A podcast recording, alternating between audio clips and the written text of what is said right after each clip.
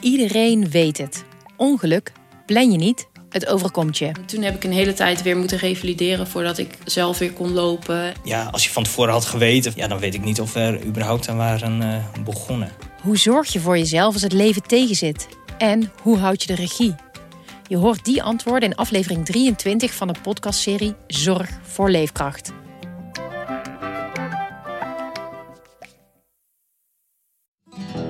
In Gonzo vertellen de beste journalisten van Nederland over het verhaal in hun carrière dat ze altijd zal bijblijven. Via polymo.nl slash gonzo luister je de eerste 30 dagen gratis. polymo.nl slash gonzo.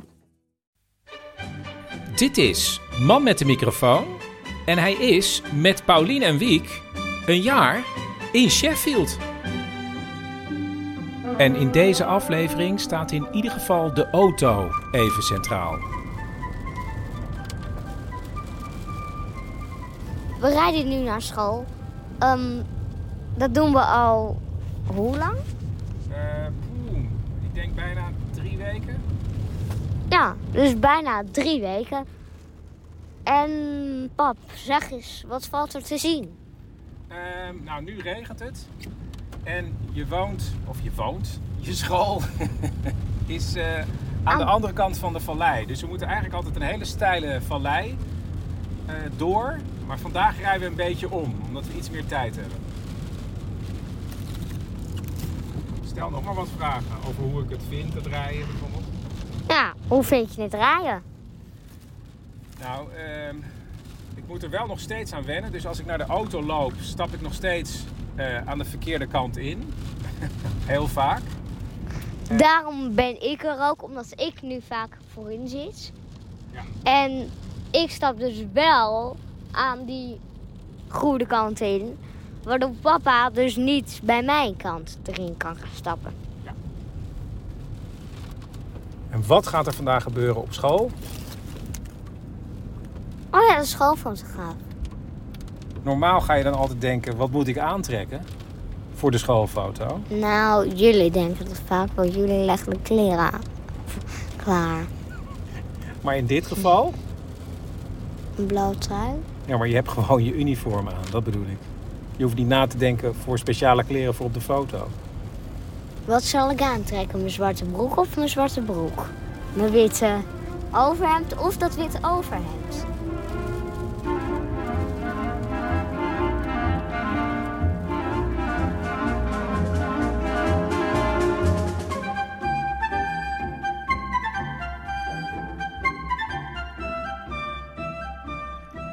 Ik vind het nog steeds heel uh, ingewikkeld, dat linksrijden. Dus ik moet de hele tijd in mijn hoofd zeggen links, links, links. En ook als ik de hoek omga, dan zegt Paulien heel vaak grote oksel of kleine oksel. En de kleine oksel is dan meteen naar links en links blijven rijden. En de grote oksel is, je mag oversteken, maar helemaal naar de overkant om daar weer links verder te rijden.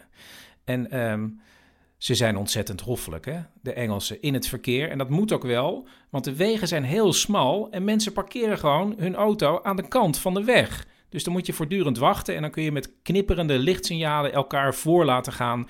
En dan groet je even vriendelijk door te zwaaien als je bent voorgelaten.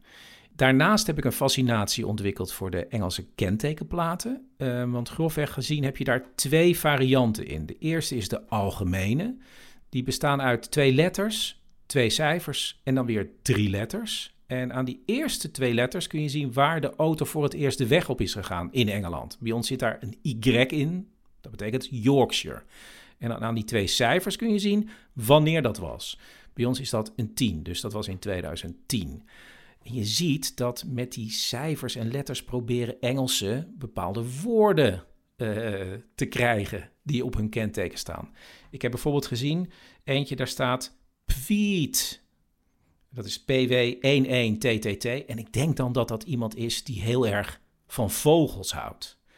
Maar naast die algemene platen kan je ook speciale kentekenplaten kopen die daar helemaal los van staan. Met uh, losse cijfers en letters. En ze proberen bij de overheid vieze woorden te voorkomen, maar soms glipt er iets tussen. Bijvoorbeeld, je kan kopen nu uh, kentekenplaat BOT 7 OM. En dat is dan natuurlijk gewoon bottom. En die is vrij, dus mocht je die willen kopen, dat kan, uh, kost 18.000 pond. Tot zover even de kentekenplaten in Engeland. Ik stap zo met Pauline in de auto, maar eerst even het volgende. Man met de microfoon presenteert. Wie weet wat waar is? Wiek wel. Tijdens het wandelen verzint Wiek af en toe een vraag.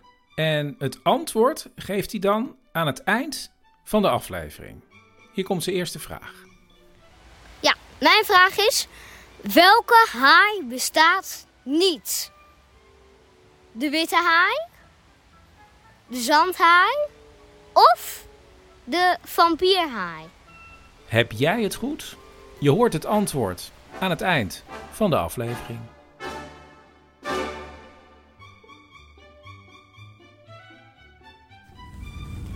We zitten nu in onze auto, het regent. Chris brengt mij naar de universiteit, waar ik allemaal spulletjes moet brengen die ik mee heb genomen uit Nederland. En nu krijg ik net een appje van mijn uh, leidinggevende Jet.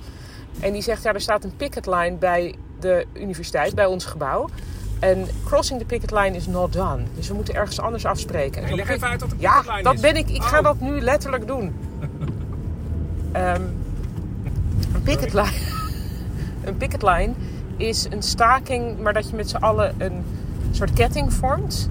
En dan iedereen die daar doorheen breekt, is dus eigenlijk, dat is heel erg. En dat als je daar meer over wil weten, dan moet je de film Billy Elliot maar eens kijken. Want daar komen ook heel veel van die mijnwerkerstakingen, als ik het goed heb, mijnwerkerstakingen in voor. Maar ook de hele tijd picket lines zijn. En die, gaat die vader gaat volgens mij ook die daar doorheen voor ze zo. Nou ja, allemaal dramatisch. Nou, hier had je in Sheffield in de jaren 80 natuurlijk ook heel veel stakingen. Vanwege de staalindustrie, die op zijn gat lag. En uh, dus ja, dus het oude tijden herleven, maar dan in de universitaire wereld. Ik zal later uitzoeken waar die staking eigenlijk voor is of tegen. Oké, het is nu later en ik heb nu uh, uitgezocht waar die picketline voor was. Dat ging over arbeidsomstandigheden en dan vooral over te veel kortlopende contracten. Als ik het goed heb begrepen. Een mini-spreekbeurt van Chris met als titel: Waarom rijden wij eigenlijk rechts? Stel je voor, het is de middeleeuwen. Er zijn ridders. Twee ridders te paard. Ze gaan tegen elkaar vechten. Ja, heb je het? Oké. Ze hebben allebei een zwaard of een lans. En nu gaan ze op elkaar afrijden. Wat zie je in je hoofd?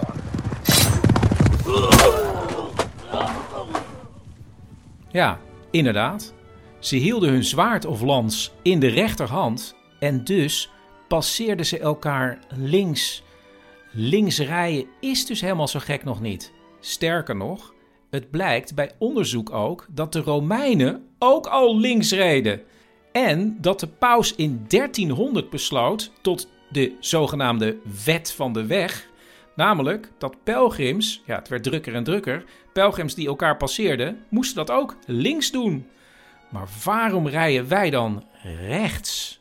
Dat heeft ermee te maken dat eind eh, 17e eeuw kwamen er steeds grotere wagens waar soms wel vier paarden voor liepen.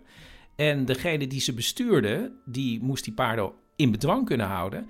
En dat ging het beste als je op het paard links achter zat. Want je had je zweep in je rechterhand. Dus dan kon je het beste links achter zitten. Eigenlijk zat je dan op de plek waar wij in de auto ook het stuur hebben zitten. En dan is het het handigst qua overzicht op de weg om elkaar rechts te passeren. En dus besloot Napoleon vanwege die grote wagens in 1792 dat iedereen in zijn rijk rechts moest rijden. En dat werd ook in hetzelfde jaar besloten, bijvoorbeeld in Canada en de Verenigde Staten, waar ze natuurlijk zoveel ruimte hadden dat ze zeker met grote wagens konden rijden. En dat was in Engeland, je hoorde mij het net al zeggen, vanwege die kleine weggetjes, minder het geval. Dus daar werd nog steeds links gereden. En wanneer werd dat nou officieel? Nou, bij de London Bridge, eind 18e eeuw, was het zo druk dat ze echt besloten: nu is het de wet dat je links moet rijden. En in het hele Britse Rijk, dus ook al die koloniën, was dat vanaf 1835. Oh ja, op het Europese vasteland was Zweden het laatste land dat van links rechts ging rijden. Dat was in 1961. Hebben ze op één dag gezegd om tien voor vijf ochtends moeten alle auto's stoppen. En dan na 10 minuten gaan ze aan de andere kant van de weg weer verder rijden. Dat is een enorme chaos geweest, maar het is wel gelukt. Uh, het enige was dat de bussen, ja, die hadden de ingang aan de verkeerde kant. En die werden dus verkocht aan landen van het oude Britse Rijk, namelijk Pakistan en Kenia. En dit was mijn mini-spreekbeurt. Vroeg in de ochtend bij ons thuis. Nog mama knuffel. Moet je snel zijn, want de Uber is er. Oh, dag lieve schat. Tot morgen, hè? Dag liefie. Doei. Bon voyage. Toch? Zoals je misschien al weet uit de vorige aflevering, is Paulien deze week twee dagen op en neer geweest naar Parijs, omdat ze dan bij terugkomst een stempel in haar paspoort krijgt, wat haar ja, officieel het recht geeft om hier in Engeland te werken. Ja, sinds de Brexit is alles heel erg moeilijk geworden. Maar het gaf mij wel even de tijd om uh, langs te gaan bij de leidinggevende van Paulien op de universiteit, Jet Lauwersen. En dan vind ik het altijd wel fijn om allereerst te weten uit wat voor een gezin iemand komt. Jet? Mijn vader was Nederlands hervormd predikant. Uh, maar niet een erg stijve man, een wat excentrieke man. Mijn moeder uh, die was huisvrouw, maar was vroeger een lerares geweest op de huishoudschool. En ik ben de tweede van vier kinderen. Dus ik heb een oudere zus, die woont in Northumberland. Ik heb een jongere broer, die woont hier in Sheffield. En dan heb ik nog een jonge zus. Mijn jongste zus woont nog in Rotterdam. Dat is het. Dus iedereen is eigenlijk naar Engeland vertrokken. Of drie van de vier. En dat is wel de schuld van mijn vader. Want die studeerde dus theologie in Utrecht, maar hij was te vroeg klaar. En toen hebben ze hem een jaar naar ja, de College of Divinity, denk ik dat dat heet, in Schotland gestuurd. En daar heeft hij gewoon enorm genoten. Dus toen wij klein waren, zijn wij echt wel van jongs af aan iets wat geïndoctrineerd. Hij luisterde altijd naar de BBC World Service en, en hij praatte ook echt met heel veel bewondering en, en liefde voor de Engelse, Schotse taal en cultuur. Dus daardoor kreeg je een soort, nou, daar is het te halen. Daar staan de vleespotten. Daar moeten we heen. Maar gingen jullie ook op vakantie naar Engeland? Nee, nooit. Mijn vader is nooit terug geweest. Nooit. Hey, wij gingen nooit naar Engeland. Joh, wij gingen een keer met, uh, met, die, uh, met die oude cadet van ons over de grens met Duitsland. En dat was al spannend. Het is geen verrassing dat Jet met zo'n vader Engels is gaan studeren in Groningen.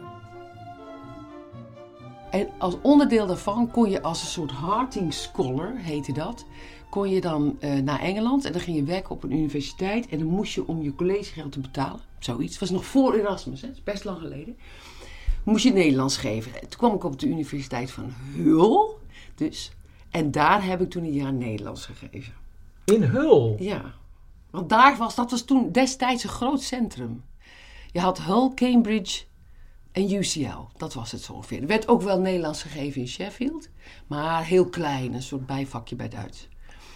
En dat vond ik eigenlijk wel leuk. Maar toen ging ik terug naar Groningen. En toen was het 1990. En toen werkte ik als stewardess bij de KLM.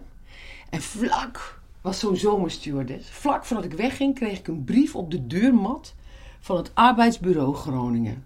En daar stond, er is een vacature bij de University of Sheffield, bla bla bla. En daar heb ik toen op geschreven. Dus Jet is in Sheffield komen werken en daarna nooit meer weggegaan. Maar ja, nu hebben we de tijd van het internet, maar toen was dat natuurlijk nog heel anders. Je kon één keer in de week naar huis bellen, want dat kostte hartstikke veel. Want je gooide zo in zo'n telefooncel, jing, jing, jing, jing. En eh, je was afhankelijk van het nieuws dat mensen je opstuurden in een envelop. Nou, dat was natuurlijk in die zin, was het, dat was natuurlijk een heel ander verhaal. En ik weet dat ik als ik op zolder ging staan bij goed weer met zo'n transistorradertje om zijn antenne, dan kon je wel eens, het heette toen nog Hilversum 1 denk ik, ontvangen. Maar ik weet nog dat ik, toen was ik nog maar net, toen was die vliegtuigramp in de Bijlmer. Dat dat was echt uh, een, een dat, dat soort momenten denk je, wow, wat gebeurt er en wat ben ik ver weg. Want, want toen, ik kreeg eigenlijk nauwelijks, niet of nauwelijks informatie. Want die kon je niet krijgen. En nu is dat totaal anders. Dus kijk, ik woon nu toevallig in Engeland al lange tijd. Maar ik had ook in feite in Maastricht kunnen wonen. Oké, maar wat behelst de vakgroep? Is de vakgroep Neerlandistiek of wat is het eigenlijk? Nou, het is eigenlijk geen vakgroep. We noemen het een. We hebben een section en die section heet Germanic Studies. En daar is Nederlands dan een onderdeel van, hè, samen met Duits. Dus het hele, hele woord vakgroep, we hebben niet eens meer departments. Het heet nu de school, the School of Languages and Cultures. Dus het wordt allemaal echt hoe langer hoe meer vast en samengeklonterd. Maar daarbinnen zijn wij een klein pilaatje. Uh, en dat, ja, we noemen het Dutch Studies. Maar het is, wij zijn ook eigenlijk meer, wij onderzoeken meer de verbanden die Nederlands met andere, met in dit geval de Britse cultuur heeft. Dus we kijken veel meer, het is een soort internationale Nederlandistieke benadering. Tuurlijk lezen ze gewoon uh, Mulisch, zou ik maar zeggen. En uh, Anton de Kom. Maar wel vanuit een soort internationaal perspectief. En wat is hier gebeurd sinds de Brexit eigenlijk? Wat ons het meest getroffen heeft, is iedere, iedere taalstudent gaat een jaar naar het buitenland. dus als je Nederlands doet, je kan niet alleen Nederlands doen, stel je doet Nederlands en Frans, dan ga je eh, een half jaar naar een Nederlands sprekend gebied en een half jaar naar een Frans sprekend gebied. Nou, dat was altijd super makkelijk, want we zaten gewoon in Erasmus. Hup, teken, uh, onderteken gewoon zo'n formuliertje. Off you go. Dat is nu allemaal veranderd. Omdat vooral ehm, het sturen van studenten die bijvoorbeeld een stage willen doen, hè, wat wij dan noemen work placement, dat is bijna onmogelijk geworden. Je mag echt helemaal niks. Je mag als student niet eens meer als vrijwilliger werken. Dat, geldt, dat, is, dat zijn Nederlandse regels, dus dat zijn helemaal geen Britse regels. Um, maar omdat de Britten nu in de categorie uh, derde land vallen. Ja, ze hebben onze studenten niet of nauwelijks rechten. Ze moeten om in België binnen te komen, moeten ze uh, een bewijs van dat ze geen TB hebben, bijvoorbeeld. Ja, het is echt een ramp. Is een ramp. Maar voel je jezelf als vakgebied of Dutch Studies ook gemarginaliseerd eigenlijk? Ja, maar dat, dat is ook gewoon de, de politiek van de universiteit natuurlijk. En het is ook landelijk want je ziet dat, ze, dat er een enorme drive is weg van het leren van talen. Want Engeland, Global Britain, die moet heel erg op techniek gaan zitten en op uh, groene energie en dat soort dingen. En dat is een soort, ze, ze, hebben, ze, ze koersen dus eigenlijk weg van taal en cultuur. Maar sinds de brexit? Ja, dat is erger geworden onder de, sinds de brexit. Wij zaten vroeger, hadden wij een eigen verdieping hierboven. Wij hebben onze kantoortjes moeten oppakken. Hè, dat is bij Germanic Studies, hebben we onze kantoortjes op moeten pakken. Om bij de Fransen in te trekken. Want die verdieping, dat is nu East Asian Studies. Ja, wat het, is duidelijk een heroriëntering. En dat is niet alleen deze universiteit, dat is, uh, dat is wel een beetje de, de regeringspolitiek ook. In het jaar dat wij er zijn en Paulien lesgeeft op de universiteit, is het ook een bijzonder jaar voor Dutch Studies. Ja, in, in Sheffield is het nu 75 jaar. We zijn de tweede, hè, want op UCL in Londen is, is ouder. Daar, daar hebben ze net 100 jaar gevierd. Maar het grappige is dat we zijn dus uh, onze intrede als uh, taal is in uh, 1948 geweest. En toen hebben ze het Nederlands geïntroduceerd om het imago van Duits een beetje op te poetsen. En hè, het was natuurlijk na de oorlog. Duits had natuurlijk geen goede naam. Het, het, het verhaal gaat dat de hoogleraar Duits in juni zei tegen twee collega's: In september geef jij Nederlands en jij geeft Deens. Je hebt de zomer om het te leren. En zo, hè, om, om, ervoor te zorgen dat het een vriendelijker gezicht kreeg, meer geaccepteerd, breder. niet alleen streng Duits. En zo is dus eh, het Nederlands hier gekomen. Dat is een goed verhaal. Dat is een mooi verhaal, hè? Of het helemaal waar is, weet ik niet. Tot zover Jet. Ik denk dat we haar het komende jaar nog wel meer te horen krijgen. Uh, ik zit hier te wachten totdat uh, Paulien terugkomt uit Parijs. Dus dat horen jullie volgende week. En uh, onderweg is ook mijn oudere zoon Teun van 19. Die komt hier een weekje vakantie vieren. Dus waarschijnlijk horen jullie die ook wel volgende week. Luister je nou met veel plezier naar dit programma? Word dan lid op petjeaf.com. Daar kan je ook gewoon een eenmalige donatie doen. Ik ben te volgen op Instagram. En dan kan ik volgens mij niets anders zeggen dan tot volgende week. En blijf even hangen voor het antwoord op de vraag welke haai er niet echt was. De zandhaai, de witte haai of de vampierhaai. Je hoort het na de laatste klanken van de muziek.